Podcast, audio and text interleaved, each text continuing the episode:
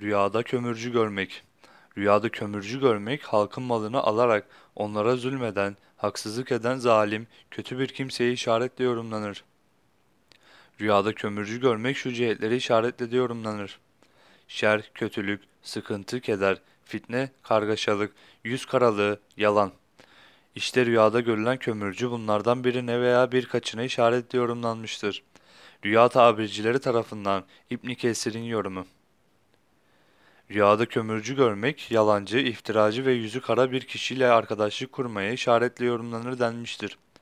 Bazıları da kömürcüye herkesin aldatan, haksız yere kazanç elde eden, haksız kazanç sağlayan yaramaz bir adamı temsil eder.